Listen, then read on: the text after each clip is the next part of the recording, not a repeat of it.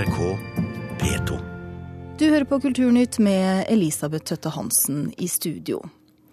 Først skal vi til eh, Storbritannia, hvor åtte personer tilknyttet den britiske tabloidavisen News of the World nå står tiltalt for grov korrupsjon, ulovlig telefonavlytting, systematiske svertekampanjer, løgn og trusler. Rettssaken den begynte i dag og har en svært så celeber rolleliste som inneholder kongelige, filmstjerner og Storbritannias statsminister. Og London-korrespondent Espen Aas, hva går denne saken helt konkret ut på? Det er en sak som skriver seg mange år tilbake i tid, men det handler kort og godt om en eh, avis som ifølge påtalemyndigheten eh, nærmest gjorde hva som helst for å få vite hva folkene de ønsket å skrive om, gjorde. Derfor så brøt de seg inn på en hel rekke mobiltelefoner. Eh, noen mener at det kan være snakk om mange hundre, slik at de kunne overvåke all trafikk som skjedde på disse telefonene. De kunne høre på beskjeder som var lagt igjen på telefonsvareren, de kunne se hva som ble skrevet på tekstmeldinger eh, osv. Og I den ene enden av skalaen hadde vi kretsen rundt eh, prins William. I den andre enden av skalaen hadde vi helt vanlige familiemedlemmer av ofre for eh, kriminalitet. Og I dag så er det altså første dag i, i retten, og åtte personer står altså tiltalt i denne saken. Hva er siste nytt? I dag har det vært mye formalia, som det gjerne er når det er første dag av en, eh, en rettssak. Dette foregår jo da i en av verdens mest kjente rettsbygninger, The Old Bailey i, eh, midt i London, i nærheten av St. Paul-katedralen, der hvor fru Justitia står på taket og, og eh, passer på. Her har Oscar Wilde måttet forklare seg, her har The Yorkshire Ripper eh, stått i tiltaleboksen. Så her er det mye formalitet i britisk eh, rettsvesen. Nå handler det først og fremst om å få valgt ut jurymedlemmer, men de tiltalte kom eh, klokken ti lokal tid i formiddag gjennom et blitsregn som de nok sjelden har sett maken til, utenom sist gang de måtte forklare seg. Så interessen er enorm. Men før vi kommer til sakens kjerne, så er vi nok et stykke ut ut i, i morgendagen. Men du sier blitsregnet er eh, enormt og, og, oppmerksomheten er stor. Hvordan blir eh, rettssaken mottatt i Storbritannia? Den er jo litt delt, da, vet du, fordi at eh, News of the World tilhørte jo News International, et stort mediekonsern kontrollert av en av verdens mektigste mediebaroner, Rupert Murdoch. Mange andre av hans uh, aviser og medie- og TV-selskaper lever fortsatt i beste velgående. Der har vi The Sun, der har vi The Times, der har vi Sky News. Alt dette tilhører jo samme selskap. De må også dekke dette på linje med, med andre nyheter. Men det er klart mye står på spill her. Det er på en måte troverdigheten til uh, britisk presse det hele handler om. Og det skjer samtidig som også pressen og staten krangler litt om hva slags reguleringer skal det egentlig være for pressen.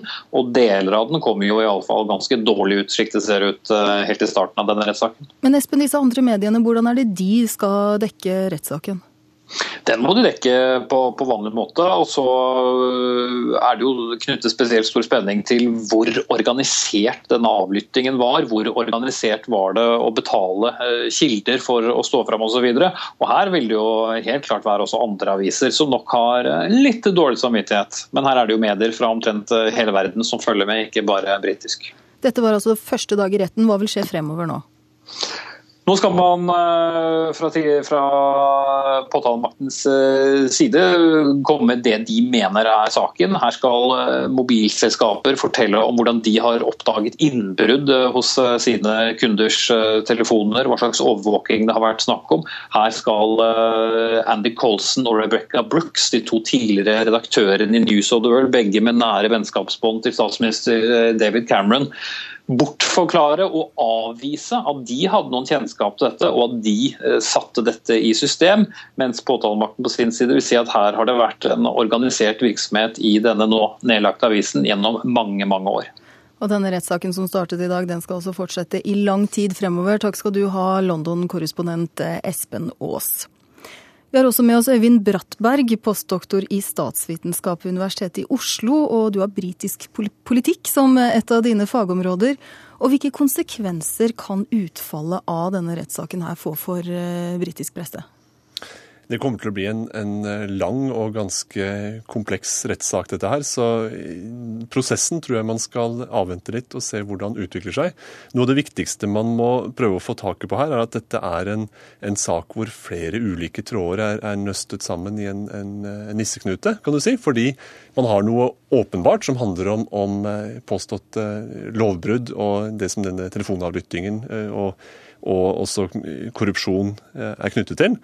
Og så har man et bredere bakteppe som handler om en større diskusjon om eh, presseetikk og den frie presse, og, og ønskene om en, en, sterkere offentlig regulering. Og så har du et tredje lag som handler om, om kontaktflaten mellom pressen og andre tunge institusjoner, spesielt uh, i det politiske liv, og hvordan press, sentrale aktører i pressen har forsøkt å påvirke politikken. Så her, det, her gjelder det å holde forsøke å holde noe konstant mens man diskuterer andre ting. Og det er veldig, veldig vanskelig, fordi det er svært mye som er rørt opp i den samme gryta. Så en stor, i hvert fall tredelt komplisert sak dette her, altså, hvis man skal se på det sånn? Det er det. Og når du, når du, snakker om konsekvenser, så er det vel kanskje mest naturlig å tenke på konsekvenser for den, den frie pressen. Uh, og, og der, hva vil skje der? Der, som Espen Aas nevnte i innslaget, så har man jo nå en prosess på gang hvor man forsøker fra myndighetenes side å opprette et nytt organ som skal, som skal være noe tilsvarende pressens faglige utvalg her hjemme, og som skal stå for en slags selvregulering, som skal sikre overensstemmelse med, med fair play for, for, både aviser og andre trykte medier. Og Det er jo en, en prosess som unektelig blir påvirket av at man får stilt til skue disse lovbruddene som har foregått. Ja, for nå opprulles jo denne skandalen her, og så kommer da dette nye reguleringssystemet for pressen som du snakker om her. Det, det henger vel sammen dette på noe vis. Så hvor, så hvor sannsynlig er det at dette nye systemet blir vedtatt? Det er et, et, åpent spørsmål. Nå skal det jo opp til dronningen selv denne uken, det forslaget som han har fått. Og som da er en balansekunst av dimensjoner. For man skal ikke ha et rent offentlig organ. Man skal heller ikke ha et rent selvregulerende organ, men man skal ha noe midt imellom. En slags armlengdes avstand-type eh, institusjon. Og For å få det til så har man brukt en, en, en litt okkult ordning med et kongelig charter som skal ligge til grunn for denne, denne, nye kommisjonen som man har foreslått. Hva vil eh, denne reguleringen eventuelt endre i, i, i britisk journalistikk? Den vil, vil gi et, et, sterkere grep og, og, sterkere virkemidler mot forskjellige altså Både angrep på, på personlig, personlig frihet og på Eh, forskjellige, altså på forskjellige overtramp i pressen, så vil denne, dette nye organet ha muligheter for å trå til med sanksjoner og konkrete straffetiltak i langt større grad enn det gamle Press Complaints Commission har, har hatt.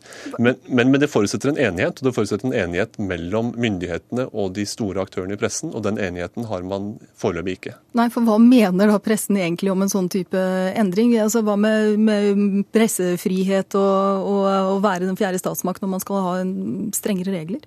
De ønsker jo all den uavhengighet de kan, kan få, og det gjelder ikke bare høyrevridde tabloidaviser at man ønsker å kunne gjøre som man vil. Et ganske interessant interessant eksempel er jo eh, The Guardian, som jo er en, en velmenende og konstruktivt innstilt eh, avis, regner den seg selv som, i alle fall. Eh, men også de ønsker jo en frihet i størst mulig grad. Godt illustrert med, med, disse overvåkningsavsløringene fra amerikansk hold, hvor man ønsker å kunne publisere og trykke dette nøyaktig som man vil, uten at det skal medføre noen, noen kontroll eller sanksjoner fra regjering eller myndigheter. Da gjenstår det altså å følge både rettssaken og saken rundt hvorvidt dette nye systemet blir vedtatt. Takk skal du ha, Øyvind Brattberg, postdoktor i statsvitenskap ved Universitetet i Oslo. Hør flere podkaster på nrk.no podkast.